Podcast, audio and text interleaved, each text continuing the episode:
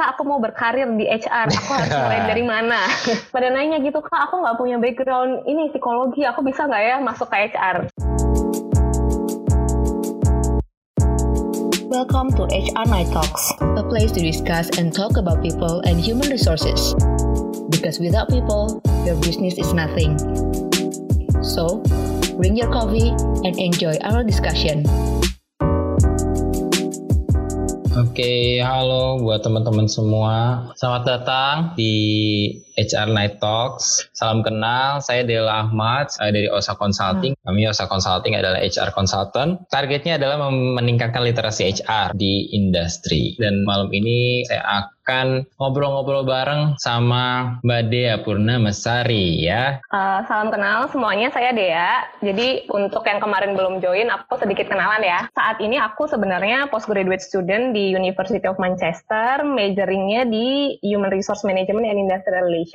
Sebelumnya aku uh, sempat kerja di bidang HR selama tujuh tahun. Dulu aku mulai karir di Astra International, and then aku move ke Lintas Arta, dan terakhir aku kerja di Bukalapak. Tetap tapi areanya selalu selalu di area HR. Jadi aku nggak akan terlalu banyak kasih teori-teori seputar HR, tapi lebih ke experience aku kemarin selama sekian tahun bekerja di dunia HR itu seperti apa. Nanti bisa jadi ada yang experience-nya berbeda, bisa jadi ada yang mirip, ada juga yang kayaknya di, di tempat saya nggak kayak gini deh Mbak Dea. Nah itu that's completely fine. Kalau misalkan mau didiskusikan bareng juga boleh banget. Itu serunya sih kalau different ini bisa jadi pembelajaran kita bareng-bareng sih discussnya. Betul, betul. Ya. Sekarang kita akan masuk ke beberapa scope HR sesuai yang udah dibahas di sesi sebelumnya.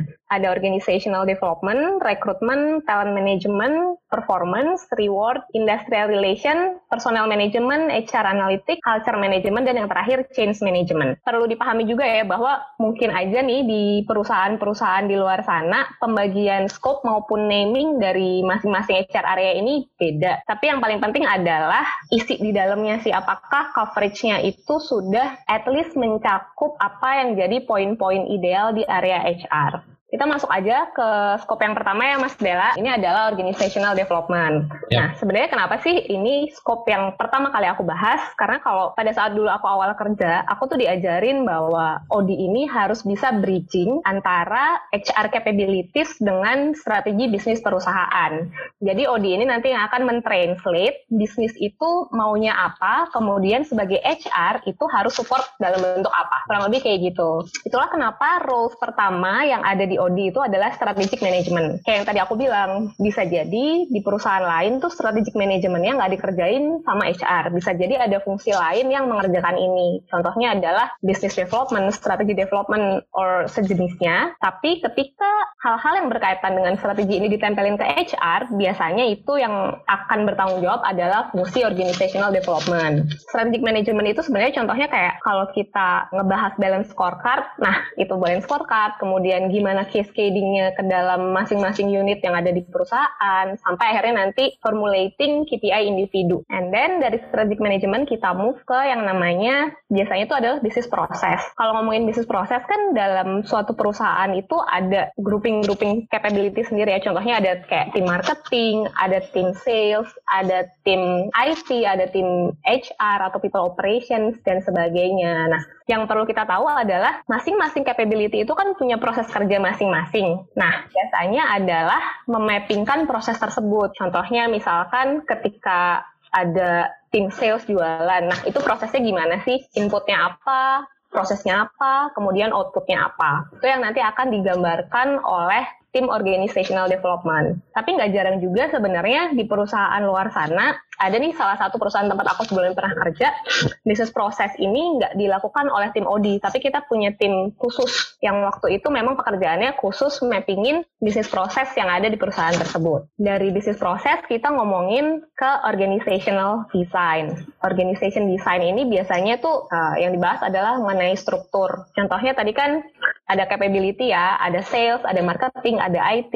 Nah, ketika kita bahas organization design, itu kita ngomongin biasanya strukturnya bentuknya kayak gimana sih, leveling organisasinya gimana, mana yang departemen, mana yang section, mana yang nggak perlu itu semua, cuma cukup staff aja, and so on. Tadi ada organisasi, kita tahu di dalamnya ada posisi-posisi dong pastinya. Posisi-posisi ini barulah kita ngomongin strategic workforce planning. Kita forecast ke depan kira-kira untuk posisi A, posisi B, posisi C, itu ke depan butuh berapa orang ya mengingat tren yang ada di perusahaan. Contohnya adalah ngelihat misalkan yang dihitung tuh berdasarkan uh, rate dari turnovernya, turnover ratio-nya dimasukin. Kemudian kita lihat juga berapa orang sih yang akan pensiun di tahun yang akan datang. Ada juga yang ngitung pakai metode namanya workload analysis. Kalau memang prosesnya udah settle ya. Dari situ keluarlah nanti angka kira-kira posisi A butuh sekian orang, posisi B butuh sekian orang. Nextnya tadi udah ngomongin posisi, kita ngomongin yang namanya job analysis. Tiap posisi itu kan harus jelas ya sebenarnya apa yang dikerjakan oleh posisi tersebut, sukses kriterianya dia itu apa, ini proses uh, job analysis adalah untuk memetakan itu semua. Jadi biasanya outputnya adalah berupa job description dan juga KPI-nya apa dari job analysis udah jelas sih kerjaannya apa aja. Kita masih tahu juga kayak value-nya dia itu tuh berapa. Value ini kita ngomonginnya value posisi bukan value orang ya. Jadi posisi dan orang ini biasanya uh, dianggapnya dua hal yang berbeda. Jadi posisi itu misalkan seorang finance analyst finance analyst kita lakukan job evaluation misalkan dengan metode di luar itu ada yang pakai Mercer ada yang pakai Hay ada yang pakai Tower Watson atau metode-metode lain yang ujungnya adalah value si posisi tersebut. Value posisi tersebut buat apa nanti kita akan bahas ketika kita masuk ke scope reward. Nah, ini seru nih. Sensitif biasanya kalau udah value terus ke reward. Ini kalau misalnya organization memang sih organization development tuh kayak kita bikin rumahnya gitu kali ya. Maksudnya kita mentranslate business into the HR, kita bikinin Ya tadi kan uh, lagi sensitif juga tentang strategic workforce planning tuh tentang productivity uh-huh. gitu kan. Kalau uh-huh. di sesi sebelumnya tuh HR Night Talks 7 kita sempat bahas-bahas tentang layoff layoff terus multi skill. Nah, itu ngomongin di sana nih productivity satu orang harus productivity berapa kan gitu. Ini bisnis-bisnis uh-huh, sekarang lagi concern juga di sana. Jadi kalau ini gue masuk ke sini sih kemarin HR itu harus psikologi nggak sih? nah, ini kalau di organization development sebenarnya biasanya lebih nyerempet-nyerempet ke bisnis ya, anak manajemen, anak apa. Jadi jadi HR nggak harus ngomongin HR, tapi harus translate business into the HR. Yes, betul sekali. Jadi nggak terbatas yeah. sebenarnya ya. Kalau mau jadi HR itu harus psikologi backgroundnya. Banyak juga roles HR lain yang sebenarnya bisa banget diisi dengan orang-orang dari background non psikologi. So don't worry teman-teman yang bukan psikologi tapi pengen berkarir di HR tetap ada role-nya. Yep. Tadi dari Odi, Odi kan tadi ada strategic workforce planning ya, atau mungkin lebih dikenalnya namanya manpower planning nih, itu lebih famous di luar. Dari manpower planning kan ketahuan jumlahnya berapa. Data ini nanti yang akan dioper ke teman-teman yang ada di rekrutmen. Teman-teman di rekrutmen biasanya akan menggunakan MPP tersebut untuk dasar mereka merekrut orang. Skop rekrutmen sendiri itu biasanya apa aja sih? Kalau berdasarkan experienceku terdahulu, yang pertama adalah biasanya dia ngomongin employer branding, sourcing, selection, hiring, sampai akhirnya employee ini onboarding. Jadi nggak cuma selesai bahwa dia sudah hire, tapi mastiin juga bahwa dia itu on board dan bisa perform dalam masa probationnya. Mungkin di sini aku nggak akan terlalu detail, aku akan fokus ke masalah employer branding aja. Jadi itu kan kemarin mungkin pada sempat tahu ya masalah di rame nih di Twitter uh, ada rekruter yang membalas email kandidat dengan bahasa yang mungkin tidak terlalu bersahabat gitu ya ke kandidat dan mengakibatkan intinya kandidat itu merasa tidak dihargai. Nah sebenarnya yang penting di sini adalah kita sebagai HR itu nggak bisa lagi menganggap bahwa kandidat yang butuh kita, tapi sebenarnya posisi antara kita sebagai perwakilan perusahaan dengan kandidat itu sebenarnya setara loh, karena sebenarnya kita tuh butuh kandidat-kandidat yang bagus di luar sana sana. Kita nggak pengen dapat kandidat yang sisa-sisa aja di luar. Apalagi talent war sekarang itu kan makin volatile ya. Kita kebutuhan manpower ini tuh cepet banget berubahnya dan kadang ada skill-skill baru yang memang marketnya itu nggak terlalu banyak di luar. So penting banget untuk kita tuh ngejaga gimana kita membangun image perusahaan supaya kandidat-kandidat ini mau join ke kita. Karena sering banget nih Mas Dela, contohnya kayak teman-teman yang kerja di startup bisa relate ya. Kadang kita tuh butuh posisi-posisi yang kandidat di Indonesia-nya tuh dikit banget gitu. Dan bahkan kita tuh harus head to head dengan company lain untuk dapetin kandidat ini. So penting banget di situ employer branding gimana kita bisa ngejual value perusahaan kita ini ke kandidat yang pengen kita target. Tadi udah ngomongin ya rekrutmen, orangnya udah direkrut, udah masuk ke perusahaan, masuk ke perusahaan terus and then mau kita apain nih? Ngomongin talent management, biasanya yang dikerjain di sini itu adalah ngomongin career path-nya orang. Ini orang tuh diproyeksikan mau ke mana selama jangka waktu berapa lama. Ngomongin juga masalah learning and development, misalkan ada anak yang ternyata nanti di co-performance di-identify kurang perform nih. Ternyata nggak performnya itu setelah kita gali-gali-gali, ternyata dia punya gap skill di situ. Jadi contohnya dia kerjaan jualannya sales, tapi ternyata dia itu nggak terlalu luas buat jualan. Biasanya dari talent management ini akan masuk dengan contohnya ngasih training. Tapi perlu digarisbawahi bahwa sebenarnya development program itu nggak cuma training doang. Justru malah lebih banyak development program itu yang akan lebih efektif impact-nya terhadap employee ini selain training. Contohnya adalah ada mentoring, ada coaching, and then bisa juga dengan shadowing, jadi ditempelin misalkan ke peer-nya yang udah jago banget atau ke atasannya, diikut ngikutin juga kayak job assignment dikasih project dengan function lain misalnya itu tuh dirasanya jauh lebih efektif. Kenapa? Karena si employee-nya bisa punya hands-on experience. Sedangkan kalau training kan biasanya kayak satu dua tiga hari and then belum tentu loh habis itu tuh ada konsisten follow up. Tapi apakah yeah. training kemudian nggak penting? Tetap penting, tapi harus dibarengin dengan hal-hal lain juga. Iya yeah, yeah. kadang kita suka mislead juga. Eh, lu ke bagian training gitu ya, asik ke hotel makan gitu, enak gitu. Itu sering terjadi.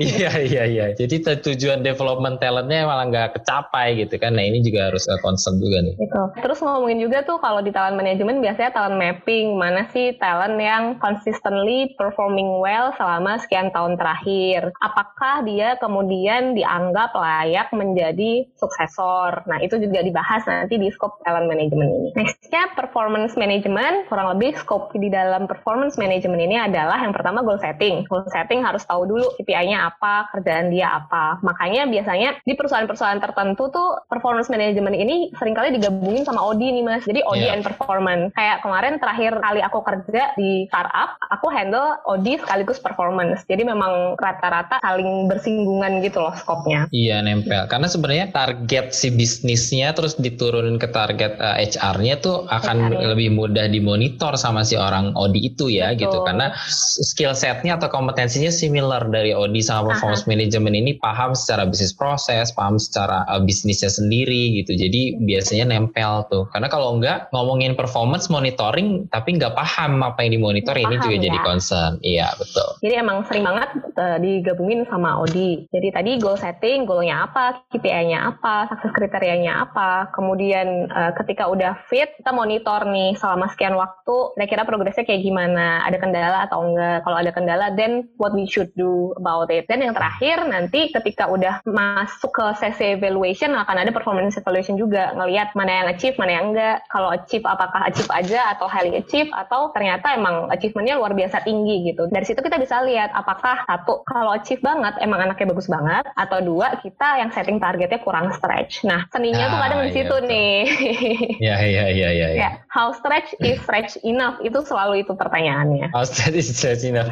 Karena kadang kalau misalnya terlalu di stretch kayak karet putus juga gitu kan itu juga yang putus harus hati-hati. Benar. benar. Jadi kalau kita bicara tentang performance atau setting target itu harus di stretch oke, okay, tapi harus kita lihat balik lagi ke talent manajemennya sama kebutuhan bisnis. Sejauh mana talent ini punya capability untuk di stretch banget gitu kan karena hati-hati juga bisa jadi putus dalam tanda kutip yeah. putus adalah bisa jadi dia demotivasi atau bisa jadi yeah. dia kabur gitu kan padahal dia yeah. talent yang bagus tapi di sisi lain juga hati-hati wah performance kita bagus semua uh, nilainya oke okay, tapi secara bisnis nggak oke okay. itu juga salah juga. biasanya di setting target Aha, benar sekali jadi emang mesti dilihat sih jadi goalnya itu alignmentnya ke atas gimana ke samping juga kayak gimana nah biasanya suka ngelihat dari historical ya deh ya untuk setting target ya kalau ada hmm. data historical itu will be great. Oke, okay, reward management. Reward management nih yang dibahas tuh biasanya salary structure, kayak gimana sih kita mendesain salary structure di perusahaan kita. Contohnya gradingnya mau berapa banyak, kemudian salary-nya mau start di mana, terus position kita terhadap market tuh mau seperti apa, apakah mau ikut market atau lebih tinggi dari market atau karena kita ternyata belum bisa nih belum mampu perusahaannya buat ngimbangin market ya udah nggak apa-apa kita slightly agak ke bawah aja dulu untuk hmm. sementara kemudian direview lagi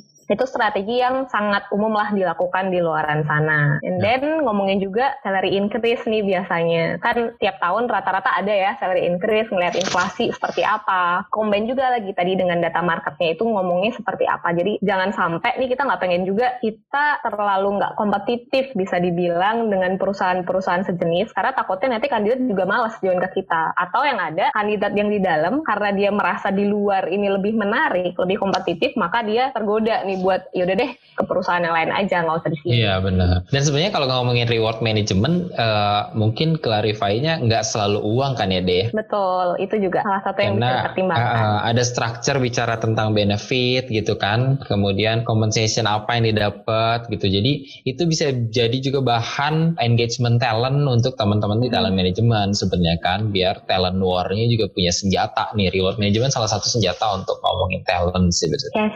Selain itu juga tadi nggak harus melulu bentuknya uang ya, bisa juga kayak program-program recognition tertentu yang bentuknya non monetary atau contohnya di startup ya. Di startup Mhm. itu sangat common ngasih yang namanya retention bonus nih. Contohnya adalah ada satu talent yang dia itu tuh di approach oleh kompetitor, terus supaya dia nggak jadi resign, dan kita kasih kayak ad hoc bonus nih ke dia. Udah kamu stay aja, aku kasih bonus, tapi kamu stay di perusahaan ini selama let's say satu tahun, dua tahun ya. Itu tuh common banget dan lebih fleksibel sih ngeliatnya kalau di startup dibandingkan dengan Oh, corporate. Oke, ini menarik sih karena biasanya di corporate corporate biasa kalau untuk retention jatuhnya salary increase deh, ya nggak sih? Salary increase ya. Iya, biasanya kayak ya udah deh kamu kita naikin gajinya. Padahal Aha. kalau ngomongin salary increase secara reward management, dia akan carry over terus ke depannya kan. Betul. Sedangkan kalau tadi konsep "Ah, udah deh retention bonus itu kan bulky bonus sekian karena ada cash flow-nya dikasih ya udah untuk retention sekian tahun gitu. Kurang lebih gitu ya. Yes. Ini menarik juga sih. Prinsipnya kayak mungkin ada juga yang namanya sign on bonus gitu loh mas. Biasanya kalau pro hire nih di hire ke perusahaan tertentu, terus ternyata di perusahaan lamanya itu belum masa bonusan, itu sering juga kayak ya udah kamu join ke kita aja bonusnya kita bayarin deh. Ya, Tapi ya, kamu benar. stay di sini selama sekian tahun. Itu ada juga praktis-praktis kayak gitu. Terus bonus formulation nyambung dengan yang tadi kita bahas di performance. Jadi performance kan di-evaluate, udah keluar nih angkanya achievement dia berapa. Nanti dikawinin deh sama bonus formulation ini, sama si rumus yang udah di-define sama teman-teman reward. Untuk achievement misalkan 130%, maka bonusnya sekian. Untuk Hmm. achievement 110, maka bonusnya sekian. Nah, praktisnya sendiri itu macam-macam ya di perusahaan. Ada yang masih pakai kurva normal, ada yang nggak pakai kurva normal. Itu tergantung lagi kepada satu yang jelas budget. Budget ini akan menentukan segalanya. Yang Ya. kedua adalah seberapa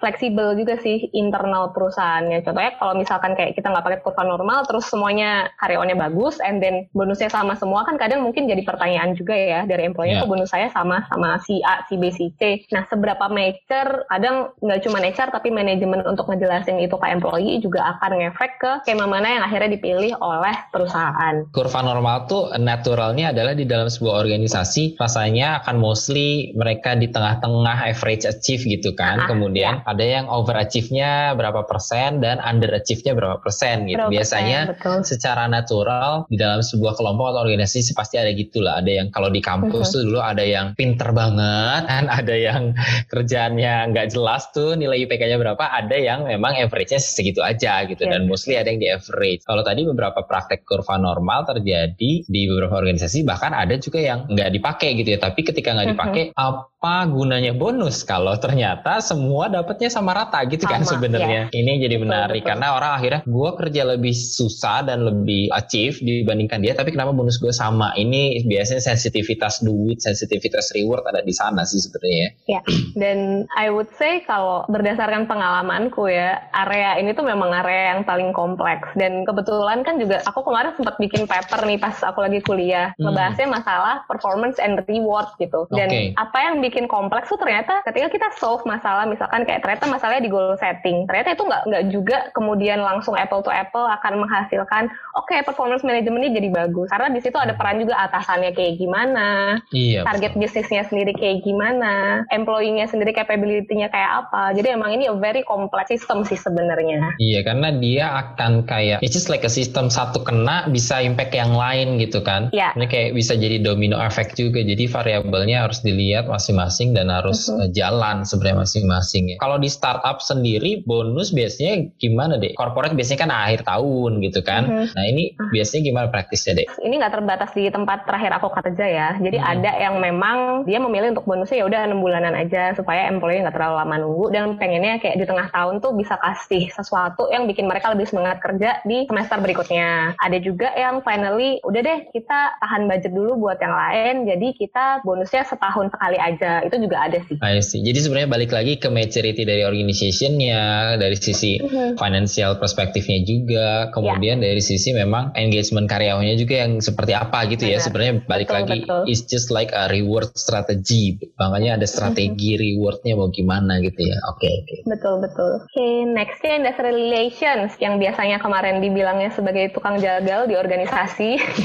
Sebenarnya uh, industrial yeah. relations tuh kerjaannya nggak cuma soal terminate orang doang. Ada hal-hal lain juga loh yang sebenarnya jadi role teman-teman yang berkecimpung di industrial relations ini. Yang pertama adalah dia bikin company regulation, peraturan perusahaannya kayak gimana, aturan-aturan misalkan soal kasih SP itu prosedurnya seperti apa. Kemudian ada juga kayak partnership event antara manajemen dan perusahaan dan juga karyawan. Misalkan kan kayak ada acara-acara employee gathering, ada employee day, atau misalkan kalau di tempatku tuh ada buka tahun, ada tutup tahun, ada tahun ah, baruan, yeah, ada yeah. juga halal bihalal. Nah event-event itu juga biasanya dikerjain sama teman-teman industrial relation. Kalau misalkan nih ada isu-isu, ada dispute antar employee, antara employee dengan mungkin atasannya, atau antara manajemen bahkan dengan employee, itu nanti tim industrial relations juga akan gimana caranya solve dispute tersebut. Nah, yang paling sering dibahas adalah mengenai termination ya. Cuman yang pengen digarisbawahi sih kalau masalah termination ini sebisa mungkin kita sebagai orang yang bekerja di bidang industrial relations ini sebagai bagian dari HR juga ketika harus terminate emang baiknya itu dilakukan sesuai dengan aturan yang ada gitu. Jadi sebisa mungkin komplain lah karena kalau nggak komplain itu sebenarnya risikonya juga risiko buat perusahaan bisa jadi nanti ke depannya ada image yang rusak gara-gara isu ini apalagi ini isu sensitif ya. So it is important yep. untuk anak-anak industrial, industrial relations untuk tahu sih sebenarnya aturannya tuh kayak gimana.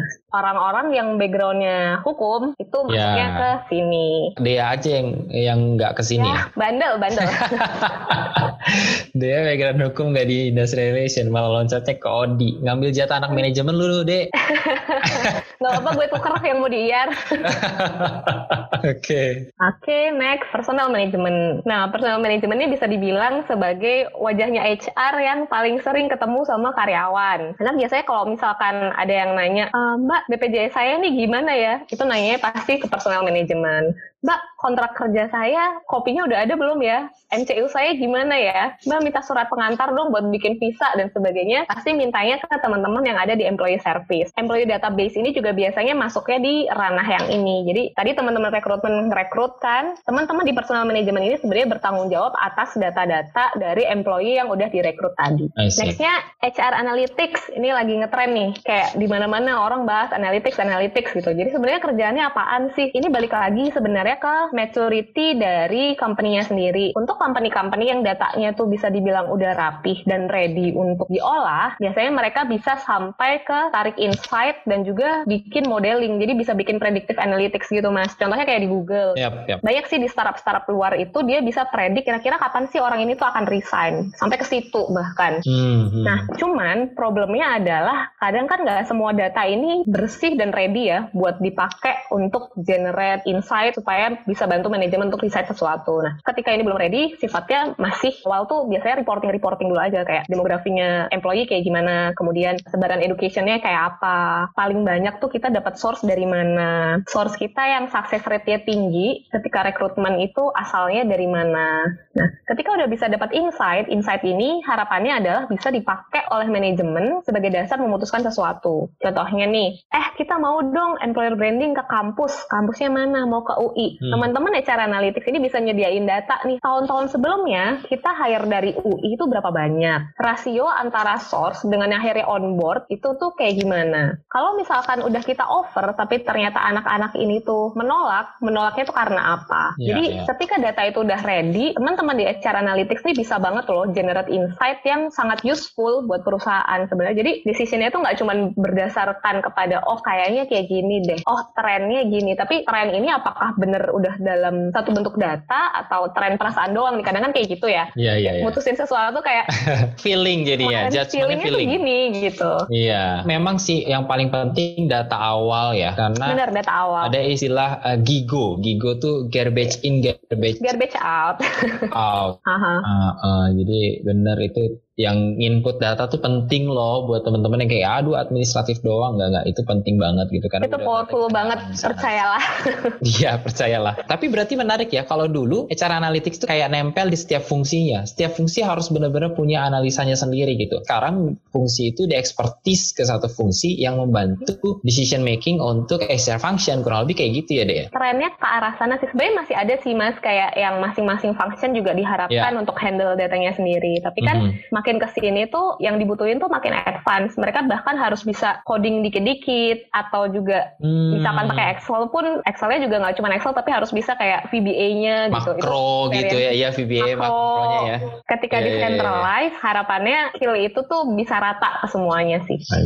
Next, culture management. Yang pertama, kalau belum punya values-nya, berarti kita harus formulate dulu. Formulate-nya sendiri itu ada macam-macam metodologinya. Dulu yang pernah aku pakai salah satu tuh eh, namanya OCHAI. Jadi dia berdasarkan frameworknya namanya competing values. Intinya dia mappingin sebenarnya employee kita tuh dominan values-nya apa, terus manajemen dominan values-nya apa. Nanti kita lihat titik akhir yang kita mau tuh ada di mana, masing-masing nanti identified gap-nya tuh apa. Setelah dari situ, barulah kita intervensi. Intervensinya ini bisa berupa campaign, bisa berupa program-program lain yang tujuannya adalah nutupin gap tadi. Basically akan sama sih, kita cari dulu yang dimauin tuh apa, employee kita sekarang kayak gimana, gapnya di mana, dan itu yang akan kita fill. Culture management tuh berdasarkan experience paling sulit adalah implementationnya ya deh ya. Jadi Ya. ngomongin culture, oh kita punya value ini, kita punya culture ini. Tapi gimana caranya itu nyerap dan emang diimplementasiin? Karena culture tuh bukan hanya hiasan dinding, tapi ya culture, Ya. budaya, behavior yang dilakukan terus-menerus oleh sekelompok orang. Nah ini yang jadi problem juga tuh. Orang-orang beda-beda, terus harus di-manage dalam culture management. Ini challenge nih ngurusin ini.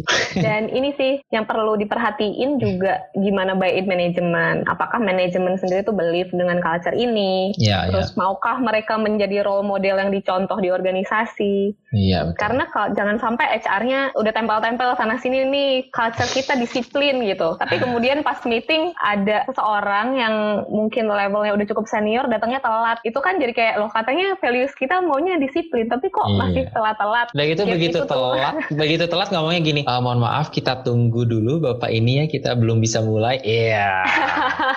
Terus nunggunya nggak tahu sampai kapan. Nah itu kan nggak enak tuh. Ini scope yang terakhir ya, change management. Perusahaan itu kan akan mengalami banyak perubahan ya, mulai dari perubahan strategi bisnis, dari perubahan demografi, dari perubahan mungkin function-function di dalamnya, perubahan struktur organisasi. Penting banget perubahan-perubahan ini tuh kita manage supaya impact dari perubahan ini tuh nggak backfire ke kita sendiri, nggak backfire ke Hmm. perusahaan. Model change management tuh ada banyak. Ada modelnya Kurt Lewin, ada kalau yang tahu juga Kotter. Salah satu yang aku cite di sini itu namanya Atkar Model of Change Management. Aku pilih ini karena selama bekerja ini yang aku gunakan, jadi Oke, lebih familiar ya, ya. aja. Tapi ada model lain, don't worry. Mulainya adalah sebenarnya dari kita create awareness dulu. Kenapa sih kita tuh perlu melakukan perubahan ini? Kita kasih juga nih supaya mereka mau participate tuh gimana ya? Caranya kita pikirin. And then kalau udah mau participate, kita kasih knowledge-nya buat berubah tuh mereka harus tahu A, harus tahu B. Setelah dikasih tahu A dan B, kita harus make sure mereka bisa melakukan A dan B. Biasanya ada trainingnya dulu, terus ada kayak apa ya di perusahaan namanya piloting session gitulah. Jadi dikasih Ya, kesempatan employee buat nyoba bisa atau enggak. Case-nya contohnya adalah misalkan HRIS deh. HRIS kan sebelum running semuanya biasanya ada trainingnya dulu kita diajarin, Ya. kita nyoba-nyoba apa yang rasanya kayak masih kurang paham, Ya. apa yang rasanya kayaknya bisa diimprove deh. Ini sistemnya nggak enak. Nah itu di fase knowledge dan ability ini. Dan yang terakhir adalah reinforcement. Reinforcement ini tuh penting banget supaya setelah berubah, perubahannya ini tuh bisa sustain. Jadi nggak kembali lagi ke habit yang lama. Contohnya tuh yang bisa dipakai adalah masukin proses yang baru atau perubahan ini ke dalam bentuk SOP. Atau di embed juga ke tadi performance management. Misalkan kita kasih satu elemen, baru di komponen performance management tadi, uh, employee itu akan dievaluasi berdasarkan perubahan ini. Bisa nggak sih dia tuh catch up dengan perubahan yang dimaui organisasi ini? Tadi gue coba ngeri nge ini lagi, jadi akar itu A-nya adalah awareness. Awareness, D-nya desire, desire, A-nya knowledge, knowledge, yep. A-nya ability, uh, R-nya reinforcement. Reinforcement ya. Jadi memang harus kasih awareness dulu, terus mulai ada orang hmm. desire-nya kayak gimana, baru dikasih tahu knowledge-nya, terus cobain ability-nya, terakhir adalah dipatenin dengan SOP gitu ya, reinforcement ya, kurang lebih gitu kurang ya. lebih kayak ya, gitu. Ya, ya. Nah tadi aku bilang di LinkedIn banyak banget kak, aku mau berkarir di HR, aku harus mulai dari mana?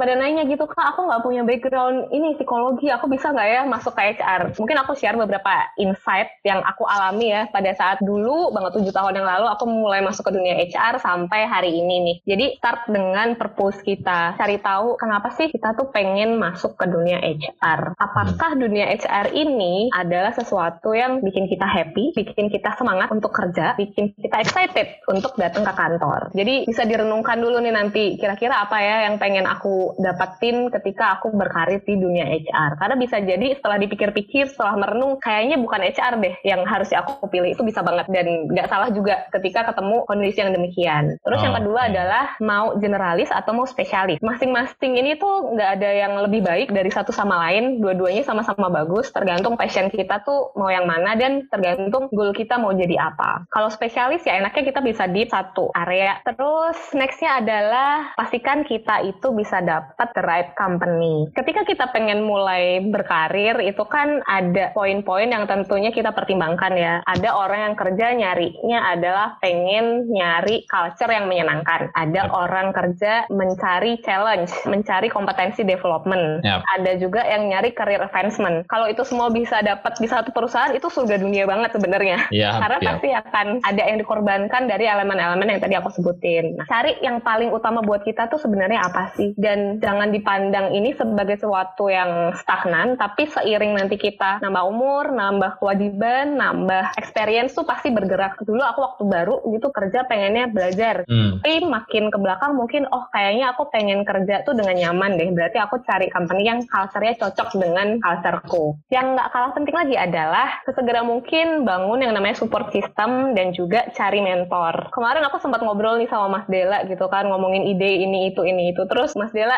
sempat mention, iya ya kalau dikerjain sendiri tuh rasanya ya udah bener-bener aja, nggak ada yang yeah. challenge, nggak ada yang ngasih perspektif lain. Nah, ini pentingnya kita punya support system. Jadi ketika kita ketemu sama suatu case di organisasi, kita bisa sharing nih ke teman-teman, eh experience kalian gimana sih di company startup gimana, experience di telco company gimana.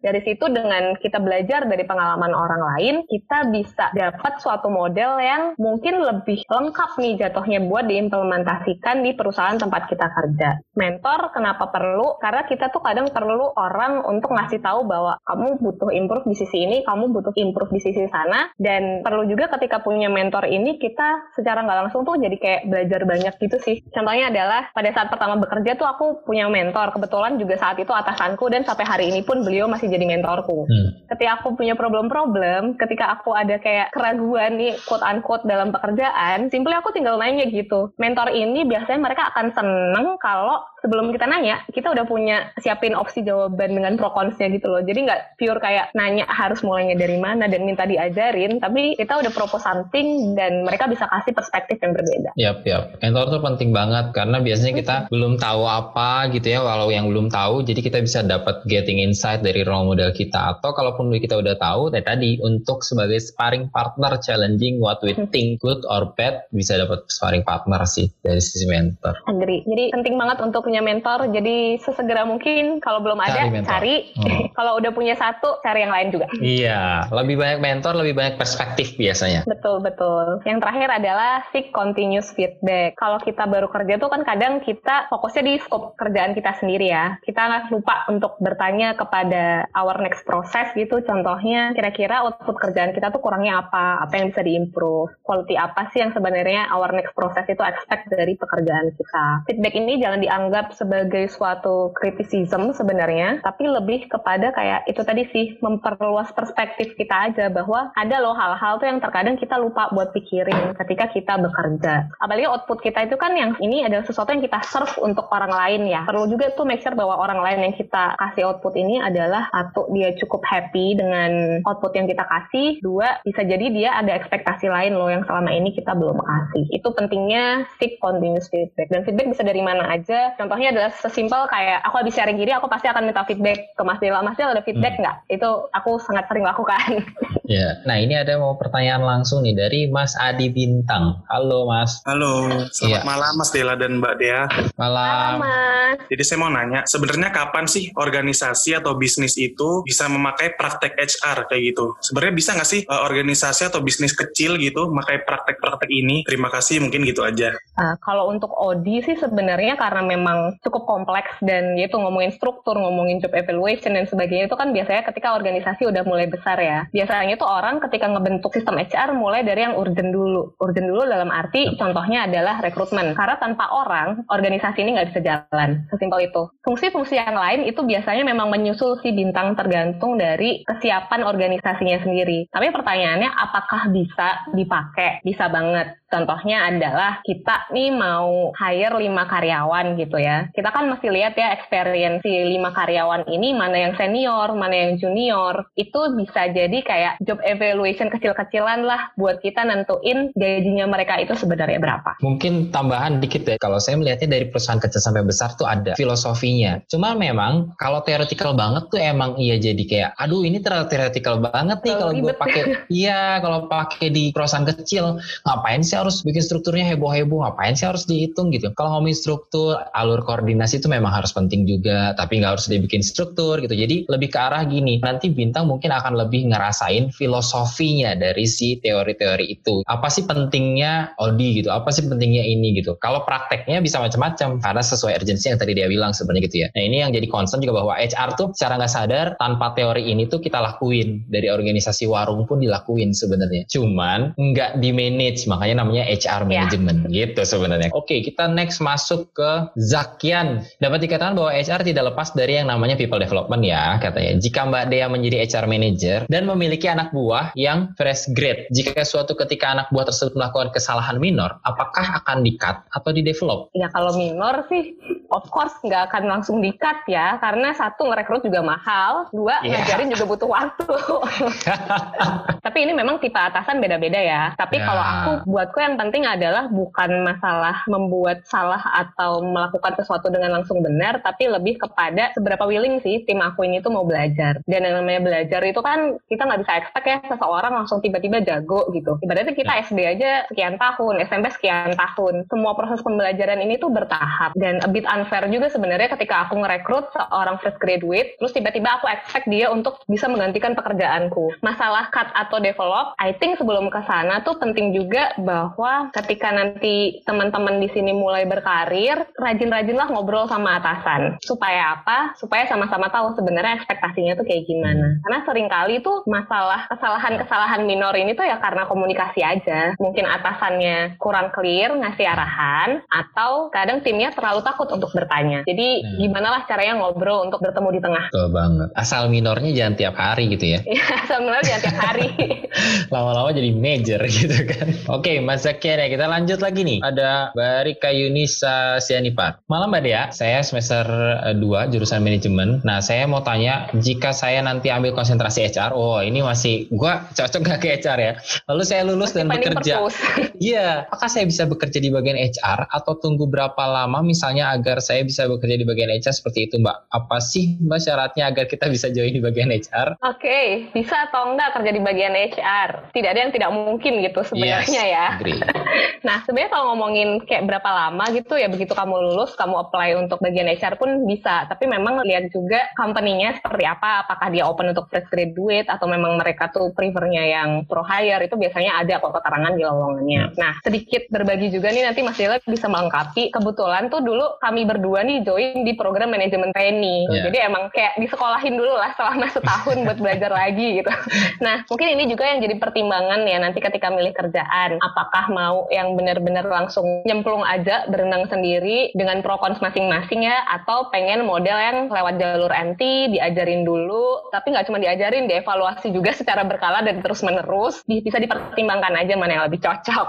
Kalau zaman dulu kan kita kayaknya namanya MT tuh banyak banget ya bertebaran ya. Mm -hmm. Nah I don't know. Sekarang tuh saya agak jarang nemuin yang namanya MT program gitu karena mungkin juga costly juga ngurusin kita kita tuh mahal gitu waktu zaman MT gitu kan. Jadi nggak banyak juga walaupun masih ada. Balik lagi sebenarnya ke tipsnya dia tadi. Kalaupun nanti nyemplung dan nggak nemu uh, MT program, kalian harus tetap find a mentor sih. Itu yang paling penting. Ya, karena kalau MT program adalah privilege-nya kita dikasih program ya, disistemin, diprogramin, dikasih materi jelas, dikasih mentornya juga dikasih gitu. Nah dikasih walaupun nih mentornya. Ah, mentornya nih mentornya nih lu maksimalin. Nah tapi kalau nggak gitu jangan berkecil hati. Kalian tetap masih bisa belajar tapi find a mentor. Atasan kalian senior kalian sebelah itu akan jadi mentor. Itu aja sih. Dan kalau ngomongin bisa nggak sih jadi HR saya sempat nulis sih waktu itu di di LinkedIn bisa dicek juga. Jadi HR tuh harus kayak gimana sih? Menurut saya salah satunya yang saya ingat dari tulisan saya adalah jadi HR tuh logic sama interest with people. Karena interest with people ya itu tadi dia punya purpose di sana kan gitu ya ketemu sama orang ini dan sebagainya. Yang kedua logik karena HR system tuh is all about logic thinking secara filosofi. Jadi cobain aja deh, nggak usah takut siapa pun bisa. Anak hukum nyemplungnya di audience performance tuh kan pas kuliah nggak Bahkan dulu waktu zaman MT, iya. Bahkan saya waktu zaman MT saya teman saya adalah anak akuntansi sama anak sastra Inggris. Gizi kesehatan bahkan. Nah kan, ini ada lagi pertanyaan dari Firda Anissa. Ya hai Mas Dala. Aku sih lebih pengen minta tips and tricks aja sih gimana caranya meyakinkan atasan kita ketika kita mau coba divisi baru gitu. Karena kan sometimes mungkin kita udah lama nih gitu ya. Contohnya kayak aku aku tuh udah di rekruter terus gitu. Mungkin kan ada posisi di mana aku bosan aku mau coba yang lain gitu. Gimana sih cara yang meyakinkan agar kita bisa ada kesempatan tersebut? Okay, seru seru. Pertanyaannya kebayang, seru. kebayang. Jadi uh, mungkin ya kalau ngomongin perpindahan orang di organisasi itu kan faktornya banyak ya. Kalau tips dari aku sendiri sebenarnya kalau tujuannya adalah belajar ini nggak melulu harus kemudian langsung pindah ngelepas lepasin role yang lama masuk ke role yang baru. Bisa juga pelan-pelan pakai cara minta project assignment. Jadi kan kita sering tuh ya project ini, project itu gitu kan. Sambil belajar, nggak juga langsung melepas role yang lama kan dari situ bisa sensing ya kira-kira cocok nggak sih ini posisi baru, tempat baru ini tuh buat kita. Once itu udah cocok dan dengan kerja bareng teman-teman di scope yang diinginkan ini kan mereka juga jadi kenal kita kan. Dari situ bisa PDKT juga sih sebenarnya sama teman-teman di scope tersebut. Dari situ kan mereka bisa promote lah, Firda oke okay loh ngerjain project ini boleh nggak Firda di rotate? Kebetulan sesuai juga loh sama aspirasinya. Itu sih paling trik-trik dari aku. Biasanya menariknya gini Mbak Firda. Uh, pindah atau nggak pindah tuh misalnya kita excellent banget. Excellent banget tuh ada dua. Wah ini terlalu excellent nih Firda. Jangan sampai pindah gitu. Ya. karena nggak ada yang nggak ada yang ngegantiin Firda gak gitu kan. gantiin. atau excellent banget tuh kayak ya udah dia udah excellent banget udah mentok kita pindahin ke mana ya gitu. Ada dua. Dan itu memang tergantung dari typical development dari atasannya juga sih ya. gitu. Oke okay, thank you. Oke okay, thank you Oh, Firda. Ini ada lagi pertanyaan dari Irfan Maulana ya. Dari kemarin itu banyak banget bahas OKR sama KPI apaan sih? Apa bedanya gitu? Kenapa ada yang pakai OKR ada yang pakai KPI? Sebenarnya kalau OKR tuh dipakai oleh perusahaan-perusahaan digital kebanyakan. Mulainya tuh dulu kalau nggak salah dia dari perusahaan digital and then dia lebih fleksibel juga karena perubahannya tuh cepat gitu. Kalau KPI kan kita ngomonginnya balance scorecard ya awalnya. Balance scorecard itu kan sesuatu yang atasnya udah harus rapih dulu, terus di cascade ke bawah, begitu atasnya berubah, berarti cascadingnya juga harus ikut berubah dan ya. sebagainya. Yeah. Sedemikian strukturnya jadi nggak terlalu agile. Nah, sedangkan OKR ini dia sebenarnya lebih lebih leluasa sih, lebih gampang buat diubah. Kalau aku boleh share berdasarkan salah satu HR practice yang aku baca, ini mengenai Google, sistemnya tuh mereka OKR ini tuh kombinasi antara top down dan bottom up. Jadi kita sebagai employee kita boleh usulin objektif dan key result yang kita mau achieve itu apa. Nanti atas atasan akan mengelainkan itu dengan OKR-nya perusahaan. Jadi ketemu di tengah-tengah gitu nanti jadinya. Yeah. Nah, sistem bottom up ini sendiri tuh nggak cuman lewat uh, employee mau ngusulin ke atasan gitu ya, tapi mereka juga punya survei, survei reguler yang tujuannya adalah mengcater itu semua sih, mengcater employee itu sebenarnya punya ide apa yang kira-kira bisa menunjang performance perusahaan ke depan. In principle, kenapa orang sekarang banyak yang pakai OKR? Karena satu perusahaan digital banyak yang menggunakan itu, dan yang kedua dia lebih agile dan less ribet sebenarnya. Tapi yes, secara yes. prinsip sebenarnya sama sih. secara prinsip yeah, sama yeah. gitu ya. Intinya kayak goalnya apa jelas, ukurannya apa gitu aja. Sama-sama mengukur, hanya cara mengukurnya aja yang berbeda, frameworknya aja yang berbeda dan bisa aja ada nama lain sebenarnya. Perusahaan lu pakai OKR, pakai KPI, ya gue pakai sistem gue sendiri lah. Gitu. iya goal setting bisa aja karena sebenarnya sama-sama aja, hanya memang ada esensi-esensi tertentu kurang okay. lebih itu sih. Oke, okay, thank you ya uh, Mas Irfana dari Mbak Novi. Thank you Dea, Dea buat sharingnya. Uh, aku tuh pengen ngajak sharing aja sih maksudnya terkait dengan pengalaman mungkin Dea atau Mas Dela punya pengalaman dalam hal change management. Kan change hmm. management itu kan perubahan yang terjadi di perusahaan atau mungkin bisa di fungsi kita atau mungkin divisi atau di departemen. Dan nggak bisa dipungkirin itu pasti ada resisten atau ada hmm. orang-orang yang yang mungkin sudah berasa berada di zona nyaman, dia nggak mau berubah atau mungkin ada yang nggak setuju atau mungkin yang lain-lain lah. Itu bisa di sharing nggak sih terkait dengan how to manage this resistance supaya minimal lah dan tidak mengganggu proses perubahan itu sendiri. Oke. Okay. Aku sempat beberapa kali sih ngalamin perubahan di organisasi. Pada waktu itu kan di Rejuvenate nih ceritanya. Jadi kita punya suatu buat teman-teman yang lain. Jadi dulu di company lama tuh ada punya suatu guidance yang udah dari tahun 2008 ya kalau aku nggak salah ingat dari 2008. And then pada saat aku bekerja di situ kita pengen Rejuvenate supaya lebih relevan lagi dengan kondisi bisnis yang ada pada saat itu. Nah kan sebenarnya nggak semua orang tuh merasakan urgensi yang sama ya. Kenapa ini tuh harus diubah? Yang aku lakukan adalah pada waktu itu mulai dari bentuk tim member di project itu sendiri tuh aku udah identify kira-kira hmm. siapa-siapa aja nih key actorsnya kira-kira siapa-siapa aja orang yang punya influence di situ. Dan pada saat proses itu berjalan pun aku nggak jarang loh kayak sebelum meeting aku akan datang dulu terpisah ketemu orang yang kira-kira dia itu cukup speak up untuk minta endorsement dari dia. Hmm. Tujuannya buat apa? Supaya satu mereka buy in dan mereka willing to give their support buat proyekku ini. Nemasi nemasi gitulah istilahnya. Jadi sebelum meeting ya udah kita identify dulu kira-kira key actors di situ siapa di meeting tersebut. Kita minta masukan kalau perlu kayak hamin tiga hari kita minta feedback dulu atas materi yang akan kita present nanti di meeting. Kemudian kita akomodir masukan mereka. Kalaupun misalkan nggak bisa diakomodir pun kita coba jelasin supaya jagain buy innya mereka aja sih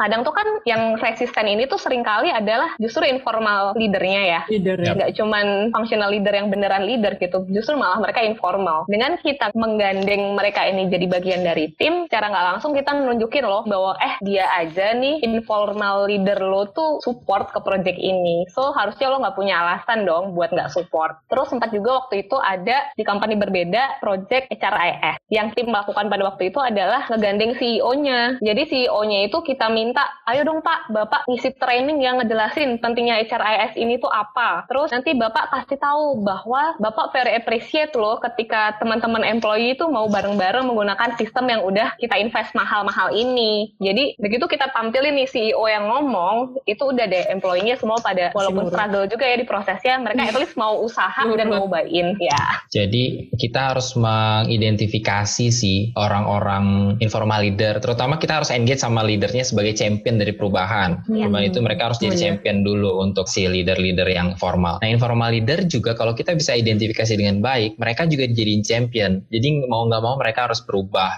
sehingga tim di bawahnya juga akan ikut berubah sebenarnya gitu. Dan resisten itu pasti ada memang. Jadi kita lock dengan si formal leader dan informal leadernya biar majority change. Karena kalau resisten ini adalah yang kita bisa lakukan adalah minimalisasi resisten itu menyebar ke majority orang. Karena kalau misalnya kita nggak udah berhasil majority rubah, si yang resisten ini tinggal dua pilihannya kok. Dia akan ikut berubah atau ya udah lu cabut gitu atau lu keluar dari sistem. Sebenarnya gitu, itu akan hmm. naturally terjadi. Mana yang paling penting jangan sampai leader atau informal leadernya yang resisten. Hmm, Karena mereka akan manggil masa kalau udah informal leader sama leadernya.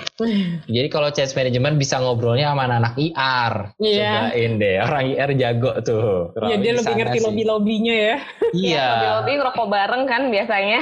Iya rokok-rokok. benar. Sama satu lagi sih ya, eh, dari sisi change management yang paling penting adalah what is it for them-nya. Ya. Hmm. Jadi kalau kita mau ngasih sebuah program atau sebuah perubahan, jangan mikirin dari kitanya atau organisasinya doang. Bagi mereka sebagai karyawan, gua pindah dari Excel ke HRIS sistem, ini apa untungnya buat gua gitu. Hmm. Lebih ribet tahu nggak sih pakai HRIS gitu. Gua biasa pakai Excel gitu. Nah, kita harus bilang, iya kita harus bilang sama mereka, ya, untungnya buat lu gitu. Itu sih yang paling penting Hmm. buat ngerubah atau change behavior dari uh, sebuah program. Oke, thank you.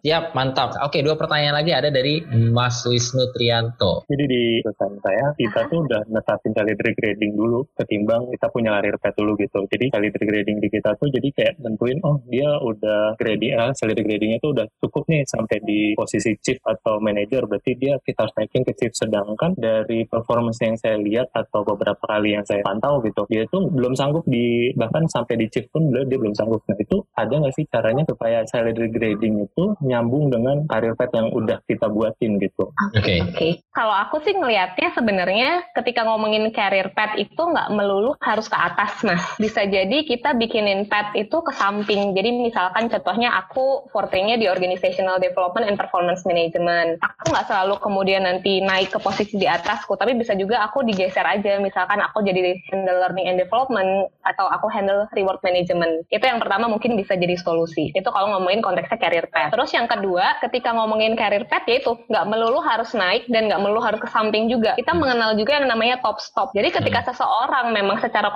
kompetensi itu emang udah nggak bisa naik dan nggak bisa ke samping lagi, eh, sorry to say memang ya itu top stopnya dia gitu. Dan Hmm. itu common kok di organisasi. Karena toh misalkan kalaupun emang orang ini bagus banget dan layak buat dipromot ke jenjang karir selanjutnya, harusnya dia kompetensinya nggak mentok di situ. Dia bisa belajar lagi lebih banyak hal untuk nunjukin supaya dia tuh layak loh dikasih posisi atau tanggung jawab yang lebih luas lagi. Tapi Hmm. ketika secara kompetensi pun ternyata dia ya udah nih kita lihatnya dia bisanya di situ, ya nggak apa-apa juga dia stay di situ. Barangkali nanti ke depan kalau toh ternyata kayaknya udah nggak cocok nih orangnya udah nggak merasa cocok dengan organisasi kita karena merasa kelamaan di situ dan dia harus keluar, bisa jadi ini opportunity bagus loh buat ngasih kesempatan ke anak di bawahnya supaya bisa promote. Hmm. Jadi kalau boleh aku bilang sih top stop is also part of career path. Nggak melulu harus ke atas dipromot, tapi bisa juga ke samping. Terus yang terakhir, ketika akhirnya orang yang ada di posisi top stop ini udah nggak bisa ke mana-mana, ya nggak apa-apa juga. Akhirnya dia keluar, bisa jadi nggak apa-apa juga. Karena itu berarti ada kesempatan buat anak di bawahnya untuk naik. Regenerasi gitulah mas, kurang lebih. Yang menarik adalah salary-nya udah di situ tapi kompetensinya enggak. Dia harus dipromot gitu kan. Nah, biasanya menyelaraskan itu salary ngikut ke golongannya atau ke karirnya gitu. Jadi bukan oh salary dia di situ, dia harus naik dong. Nah, ini jadi menarik juga sih kalau misalnya ke arah sana. Artinya mungkin range salary-nya kurang lebar untuk mencakup Bisa jadi. Ah, ah, untuk mencakup dia harusnya di golongan yang sama juga bisa dapat kok salary di situ gitu. Tadi kalau misalnya ngomongin nyelarasinnya gimana bisa nggak? Bisa banget gitu. Antara salary structure-nya redefine lagi dengan golongan existing-nya atau nanti dari sisi karir path-nya dia bilang gitu apakah bisa di ke kanan kiriin atau bisa top stop bisa dua hal itu dan mostly memang karir path atau golongan eh, grading-nya itu biasanya selaras sama salary structure. Kalau misalnya nggak selaras artinya mungkin ada value-value yang belum tepat kali nggak value si jobnya job value-nya mungkin harusnya di atas atau di bawah lebih ke arah sana sih Mas Wisnu. Mungkin aku sedikit sharing juga nih job evaluation ya. Jadi kadang tuh kan kalau ketika kita melakukan job evaluation, misalkan title-nya sama-sama head, tapi yang satu value-nya 11, yang satu value-nya lebih gede 13. Nah, Hmm. kita sebagai HR yang harus dipikirin adalah what to do next gitu terhadap yang 11 ini. Apakah 11 ini akan di-enhance untuk ngikutin yang 13 tadi? Which means kalau kompetensinya belum mencukupi ya kita gimana caranya training lah, kita develop lah supaya Hmm. dia bisa mengemban value si 13-nya atau emang 13-nya ini yang udah ketinggian loh. Ternyata dia posisinya udah bukan harusnya bukan head lagi, tapi bisa lebih naik lagi. Nah, Yap. itu trikinya nih nanti. Atau even memang manajer di X sama manajer di Y ini value-nya memang beda. Value-nya beda, gitu. itu Karena bisa. scope of work-nya juga lebih lebar di yang 13 dibandingkan yang 11 Bisa, gitu. bisa. Makanya range salary-nya bisa lebih lebar lagi karena di, di level manager itu grade-nya ada 11, 12, 13 misalnya kayak gitu. Maka range salary-nya bisa lebih lebar. Bisa jadi junior manager, senior manager gitu kan, manager bisa lebih ke arah sana sih untuk ngelarasinnya Mas Wisnu. Oke, semoga menjawab ya. Seru ini pertanyaannya. Ah, ini pertanyaan terakhir Mas Jasan. Sekarang kan semua perusahaan sedang getol. Getolnya untuk fokus ke arah era 4.0. Untuk di HR sendiri, apa sih perannya untuk bisa mengikuti dan sejalan dan apa yang bisa diterapkan dengan visi 4.0 tersebut? Terutama untuk HR di perusahaan manufacture. Mohon masukannya Mbak Dea dan Mas Dela. Apa yang bisa kita lakukan sebagai HR terkait dengan 4.0? Oke, sebenarnya kalau ngomongin 4.0 dengan intinya digitalization and then ngomongin 4.0 juga kita kadang ngomongin gig ekonomi gitu. Nah, kita sebenarnya sebagai HR di mana pun industrinya ya, kita harus ready sih dengan cara kerja yang berbeda. Contohnya gig ekonomi deh, di mana orang-orang tuh kerjanya udah nggak bukan full time employee lagi, tapi mereka dibayarnya per project atau per gig itu tadi. Hmm. Nah, berarti kan kita harus terbiasa sebagai HR mengelola workforce itu yang mereka tuh tersebar lokasinya itu pertama. Yang kedua bisa jadi berbeda time zone-nya juga. Yang ketiga bisa jadi mereka ini berbeda kewarganegaraan ya. Kayak contohnya Amazon gitu ya. Amazon ini kan dia punya kontraktor yang tersebar di berbagai negara dan of course manage mereka dengan background yang berbeda-beda itu akan lebih challenging dibandingkan kita memanage workforce yang seragam. Itu mungkin yang pertama. Terus yang kedua masalah embracing digital yaitu ngomongin lagi gig ekonomi uh, orang kerja terus konteksnya covid juga kita bisa kerja dari mana aja yang tadinya kalau kerja itu harus datang ke kantor sekarang simply kita depan laptop asal ada internet connection kita bisa kerja Ya. itu yang harus di embrace Oke, mungkin masukannya kalau ngomongin 4.0 ini kan kekhawatiran karyawan-karyawan kita juga. Kalau kita sebagai HR, kekhawatiran karyawan kita adalah 4.0 identik dengan penggantian manusia dengan mesin. Basically gitu. Atau penggantian dengan sesuatu yang digital, artificial intelligence dan sebagainya. Di manufacturing apalagi pasti akan impact tuh. Wah, operator-operator bakal ke mana? Kan kita bisa ngomong kayak gitu. Gua harus apa? Nah, mungkin sebagai HR yang bisa kita lakukan adalah satu, kita balik lagi ke fungsi OD untuk melihat bisnis proses dan core proses. Kita lihat mana-mana saja yang memang fokusnya harus masih pakai manusia dan mana saja memang yang bisa jadi mesin. Kita nggak bisa munafik juga. Beberapa kalau kita mau saving cost bisa bicara tentang jadi mesin gitu. Nah, ketika udah tahu fungsi-fungsi yang mau akan bisa jadi mesin, fungsi HR adalah oke, ada berapa orang yang ada di sana, lalu bisa dikalkulasi kira-kira mereka bisa kita alih fungsikan jadi apa. Sebenarnya itu sih. Nah, ketika kita ngomongin kita bisa alih fungsikan jadi apa, maka HR lagi siap-siap. Kita harus ngedevelop skill apa buat mereka. Itu yang bisa dilakukan sama HR. Kalau orang-orang yang nggak mau, ya itu kembali lagi ke orangnya. Tapi kita sebagai HR sudah bisa memfasilitasi, fasilitasi, mendevelop apa dan sebagainya. Kita kalau mau catch up dengan bisnis, kita memfasilitasi untuk paham mana yang bisa kita didik dan develop gitu. Karena ujung-ujungnya balik lagi sih bisnis running with efisiensi juga kan dengan cost gitu. Biasanya suka ada pilot project satu line, project dengan mesin yang udah full automatically. Wah, operator udah pada siap pasang badan nih. Wah, bentar lagi aku akan tergantikan gitu kan. Nah, itu yang harus di manage sama kita sebagai HR. Mungkin masukannya itu sih tambahannya di manufacturing, Mas Jasanya. Semoga terjawab. Oke, itu aja mungkin ya dari kami Osa Consulting di HR Night Talks malam ini. Terima kasih banyak teman-teman yang udah stay tune dan mudah-mudahan bisa bermanfaat. Mungkin saya menunggu closing statement dari Dea, Dek. Thank you banget. Yang jelas udah malam-malam nih mau nyempetin ikutan sesi dari OSA Consulting. Semoga bermanfaat sih apa yang kita bahas di sini. Yap. To be honest, aku welcome banget ya kalau misalkan kayak teman-teman punya experience, pengen sharing gitu. Karena itu tadi sih pentingnya kita punya network, pentingnya kita punya mentor, pentingnya kita punya teman ngobrol, itu bisa memperluas perspektif kita lah. Jadi yang kayak Mas Dela bilang, kalau ngerjain sendiri rasanya bener-bener aja, begitu ketemu sama sparring partner, ternyata ada poin-poin yang kita kelewat. Oke, thank you buat teman-teman semua. Sekali lagi thank you banget Dea ya. Selamat beristirahat buat teman-teman yang lain. Buat Dea juga selamat beraktivitas lagi. Sampai bertemu di HR Night Talk selanjutnya ya. Bye-bye. Bye-bye. Thank you. This podcast is provided by OSA Consulting Indonesia.